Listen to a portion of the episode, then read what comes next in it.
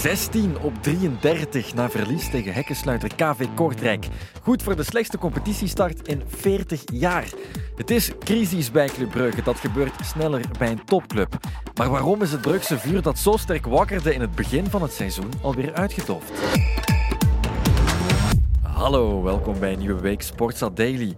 Er was veel om van te genieten op de voetbalvelden wereldwijd dit weekend, maar de prestatie van Club Brugge hoorde daar niet bij. Prangende, prangende slotfase en het einde nu van de wedstrijd. Gebalde vuisten, linkerhand de lucht in bij Glenn de Boek. Want KV Kortrijk heeft het voor elkaar 1-0. En de teleurgang van eh, Club Brugge in deze jaargang voorlopig toch nog een verlengstuk gekregen. Alweer een nederlaag, de tweede op een rij. Nu bij de allerlaatste in het klassement. Ja, Club Brugge verloor op het veld van KV Kortrijk de laatste in de stand met 1-0. Het won niet meer in vijf wedstrijden in de competitie. En het gaat er vooral gewoontjes aan toe. Ik zie gelatenheid, ja, ja, gewoon verder doen. Hè. Dus zelfs geen ontgoocheling, bij manier van spreken. Ja, het is een beetje gelaten allemaal, vind ik. Zo vertelt Lorenzo Stales in onze podcast. Zelf het toonbeeld van modewoord Grinta in zijn periode bij Club Brugge in de jaren 90. Briljant derde doelpunt van Lorenzo Stales. In de vlucht ingeschoten. Driehoek met Vermand van der Heijden die de voorzet geeft. En daar komt de vrijlopende Lorenzo Stales. Pakt de bal op de schoen. Tegen de paal. Binnenkant, overkant dan. En zo in het net. Schitterende goal. Lorenzo Stales. Figuur van het hele weekend kun je zeggen. Als je drie keer scoort op het veld van Anderlecht. En wat een goal die derde. Drie verschillende doelpunten. Een intikker, een penalty. Stalen, zenuwen van Stalen. Lorenzo Stales maakte als speler voor Club Brugge een hat tegen Anderlecht in het Astridpark. Vrijdag 24 september 1993 werd zo'n zwarte dag in de geschiedenis van Paars-Wit. Een gouden bladzijde in het boek van Club Brugge en van Stales zelf. De man van de week, zeg dat maar, Lorenzo Stales, drie doelpunten op Anderlecht. Ja, het is gewoon fantastisch. Uh, ik kan er in feite niks, niks aan toevoegen. Ik denk dat uh, de hele ploeg moeten, moeten feliciteren met de prestaties die er neergezet hebben. Je moet nog rekening houden dat we nog eigenlijk amper een katje missen. Dus ik denk dat iedereen die gespeeld heeft uh, zich schitterend heeft ingezet. En ja, het resultaat is prachtig. Maar Stalen stond naast een occasionele doelpuntenmaker vooral bekend als bikkelharde kracht op het middenveld. De personificatie van de huidige leuze van Club Brugge, no sweat, no glory. En dat mist hij nu bij Blauw-Zwart. Ja, dat, eh, dat ze te weinig punten al natuurlijk. Dat er ook te weinig uh, zou ik zeggen, winnersmentaliteit uh, tentoongesteld wordt op het veld. Uh, ik zie gelatenheid. Ja, ook de manier waarop dat Scovolsen de penalty overtrapt en, en de reactie ja, gewoon verder doen. Hè. Dus zelfs geen ontgoocheling, bij manier van spreken. Ja, het is een beetje gelaten allemaal, vind ik. Daar is hij. Scovolsen met de aanloop. Hij trapt hem over de goal. Oh la la. En nog geen klein beetje. Wel. Niets krijgt Club Brugge nog voor elkaar. Wat is dat? Ja, ik, ik, zie ook het interview van, uh, van Hans van Aken. Die zegt van uh, hadden 24 of 25 punten kunnen zijn. Dat is misschien wel correct, maar zelfs dat was in principe niet genoeg geweest voor een ploeg als Club Brugge. Ja, die 16 punten hadden er nu 25 kunnen zijn, maar dat is niet wat er staat. Stales vindt dan ook dat de kapitein van Club best wat neteliger mag zijn. Ja, inderdaad. Uh, het zou iets, um, iets geharder mogen zijn voor zijn ploeg, in principe voor zijn ploegmaats ook als kapitein. het wordt allemaal een beetje te, te makkelijk gerelativeerd. Ehm, uiteindelijk is het niet goed hè, voor club en, moet je zeggen van oké, het moet beter en het kan beter. Daar uh, ben ik van overtuigd met, uh, met, deze, met deze kern. Alleen ook um, door het feit dat voor het voor de verdediging speelt, die dan ook niet echt de meest uh, perfecte voetballer is om, om de omschakeling te doen tussen verdediging en aanval. dan moet Hans van Aken ook veel te veel ehm, naast hem komen spelen om de bal op te eisen, om het spel te verdelen, waar dat ze hem dan ook voorin wel missen om die laatste paas te geven om dat doelpunt te maken, vind ik. Ja, Hans van Aken, de belangrijke man, en hij moest het achteraf dan ook gaan uitleggen bij de supporters, die gefrustreerd achterblijven. Rick Verheijen, acteur en tegenwoordig ook voorzitter van Sporting Hasselt, is een van die fans. Hallo, hallo. Ik denk dat iedereen had verwacht na de mindere reeks en de interlandbreak dat er een, eh, een nieuw elan uh, ging plaatsvinden, maar dat is jammer genoeg niet gebleken op, uh, op Kortrijk. Um, ik snap ook de frustraties van de supporters heel hard. Um, je zit met een kern die ja, ongezien is qua kwaliteit. Heel brede kern. En het komt er niet uit. Nu, ja, het is wat Hans ook zei na de match in een interview. Ehm, het zit ook niet mee. Hè. Als je natuurlijk uh, twee keer uh, het doelkader raakt, of al redelijk in het begin van de match, Thiago denk ik dat was, die dan uh, de bal er niet in legt, ja, dan, dan zou het een heel ander match kunnen zijn. Maar dat mag natuurlijk geen excuus zijn, want het is gewoon, het is gewoon te weinig op dit moment. En het uitlegmoment bij de fans na de wedstrijd, bij de harde kern waar de spelers letterlijk op het matje geroepen worden, dat hoort er dan ook bij. Tja, het is tekenend, wat belachelijk. Ja. Ik vraag me ook altijd af wat er dan gezegd wordt uh, en, en wat hij dan ook moet antwoorden als, als speler. Want uiteindelijk is dat ook een beetje de gemoederen proberen te bedaren en moet je antwoorden op het veld. En dat is denk ik nu donderdag al dat dat moet gebeuren. Er komt een hele belangrijke, intense reeks aan. de topper tegen Antwerp thuis. dan binnenkort ook nog de derby tegen Cirkel, die nu plots ook eh, boven ons staat eh, in het klassement. Dat is natuurlijk, eh, ja, het is druk op de ketel. Maar een club als Club Brugge moet daar natuurlijk mee omgaan. En ik, ik verwacht dat dat ook wel gaat gebeuren. Ja, zo is het. Club moet snel reageren en het moet op zoek naar de kern van het probleem. Want wat loopt er mis? Tja, wat loopt er mis? Um, ik vind dat een heel moeilijke vraag. Um, Moest ik het weten, dan uh, belde ik het door naar Vincent Mannaert of naar Ronnie Deila om te zeggen wat er mis was. Gelukkig kunnen we voor zoiets altijd raad gaan vragen bij onze voetbalman Peter van den Bemt wat mij betreft is het, eh, zoals ik het uh, inschat, geen gebrek aan, aan goede wil. Zelfs niet aan inzet, maar er zit geen, geen overtuiging, geen geloof in eigen kunnen in dat elftal. Er zit ook geen lijn in het voetbal. Het lijkt erop alsof je zegt, oké, we geven de bal aan Noosa, aan, aan Schof Olsen bijvoorbeeld, uh, en wachten op een actie. Het kabbelt een beetje voort. Dus, Deila is natuurlijk toch gehaald op basis van wat hij met Standaard heeft gedaan om die ja, dode boel van vorig seizoen te reanimeren, om van de eilanden eilandjes weer eh, een hechte groep te maken.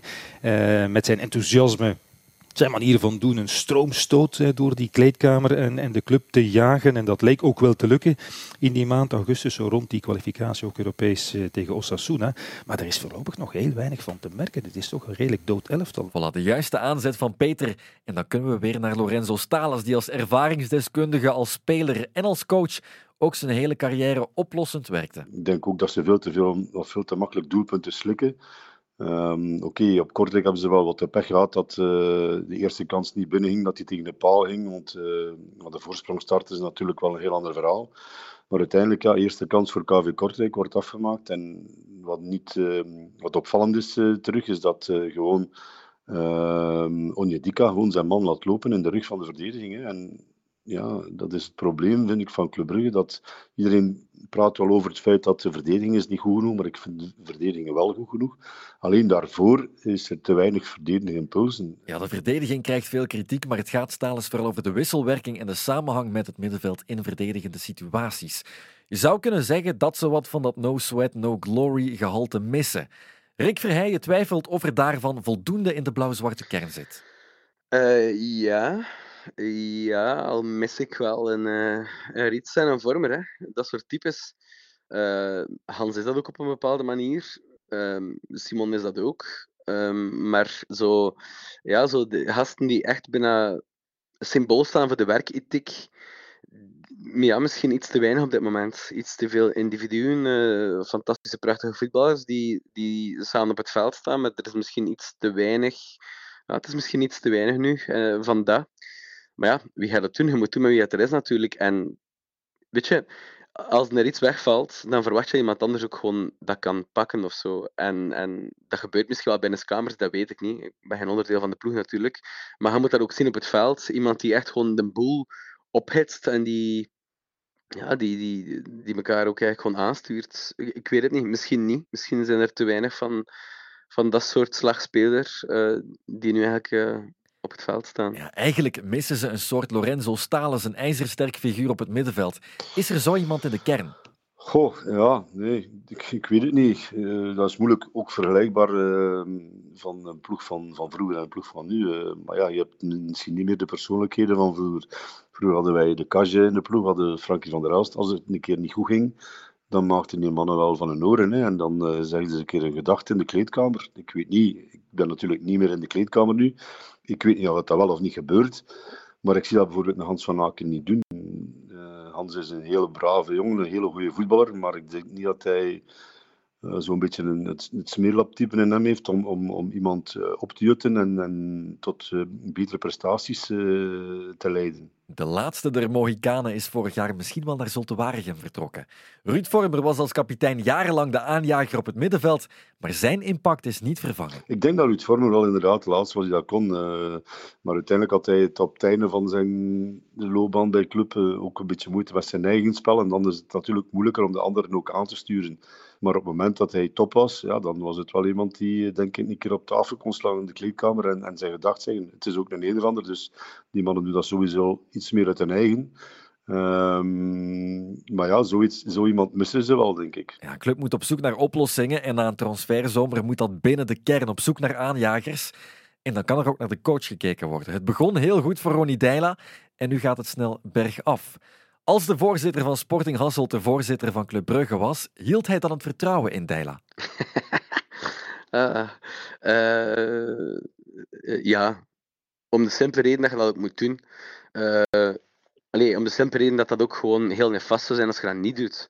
En uiteraard uh, zullen vraagtekens uh, reizen bij de Raad van Bestuur. Dat lijkt mij logisch. En, en, en is het ook aan Ronnie Dela om daar ja, die weet dat ook natuurlijk. Hij, zegt, hij draagt de eindverantwoordelijkheid als coach voor hetgeen dat er op het veld gebeurt. En dan is er maar de vraag in hoeverre dat je echt dat je dat nu kunt gaan een halt toeroepen, die uh, slechte reeks. En in hoeverre dat je spelers, het zal een kwestie zijn van die spelers gewoon aan te moedigen en te blijven meenemen in je projecten waar hij voor staat. En tja, um, moet je die vertrouwen geven? Ja, je moet een zeker vertrouwen geven en je moet, er, moet daarin doorgaan. Maar de komende weken match worden zeker cruciaal. Dat kun je niet ontkennen. En ook Stalens kijkt liever naar de spelers dan naar de coach. En als uh, ja, je vindt dat het uh, aan de trainer ligt, dan moet je hem ontslaan. Maar het is uh, misschien ook beter voor de spelers een keer in eigen boezem te kijken en zelf te zien van oké, wat kunnen we meer doen Um, om betere resultaten te behalen. En dat is dan vooral ook die winnaarsmentaliteit te toonspreiden, maar ook de over mijn mentaliteit van oké, die mannen gaan hier geen doelpunt maken vandaag. En dat zie je ook niet, want eh, gisteren met die, die goal van Davies, dat was, ja, ik denk dat het uh, eh, 1 tegen 3 was achterin. En, en, ze laten zich met drieën in, in, in, ja, ringloren door, door één speler die in de diepte loopt. En niemand die hem volgt. Dus ja, hij liep uh, in eerste instantie bij Onyedeku, die dan waarschijnlijk hem laat lopen. Die denkt dan van, oké, de twee centrale verdedigers gaan dat wel opvangen, maar uh, dat is niet het geval. Dus ja, wat dat betreft uh, moet je ook altijd ja, zien dat je eigen taak naar, naar behoren vervult. En dat is eerst en vooral zien dat je geen doelpunten tegenkrijgt. En zo komt alles terug tot een over mijn lijk mentaliteit die er opnieuw in moet bij Club Brugge. De stalen zenuwen van Stales hebben dan ook alle vertrouwen in de ommekeer. Ja, dus dat zal wel goed komen. Ik denk, ze hebben een kern, uh, toch om u tegen te zeggen. Het is nu niet uh, omdat ze wat minder gepresteerd hebben, dat je moet de kern in twijfel trekken. Er is voldoende kwaliteit. Alleen, ja, ik zeg het, ze moeten uh, de ploeg weer op de rails krijgen en gewoon de winnersmentaliteit dat Club Brugge in, in het verleden altijd had. Uh, de over mijn mentaliteit van uh, vandaag is het onze dag en niet jullie dag. Dus uh, dat moet er weer in komen en uh, dan gaat het sowieso al een stuk beter lopen. Voilà, Club Brugge moet het vuur opnieuw aankrijgen. En daarvoor houdt het het best vertrouwen in de coach Ronnie Deila als constante factor. Maar de leemte die leider en aanjager Ruud Vormer liet, die blijft gapen. Met de lastige reeks is het wel snel erop of eronder voor blauw-zwart. Dus de koppen moeten snel bij elkaar. Tot morgen voor een nieuwe Sportsa.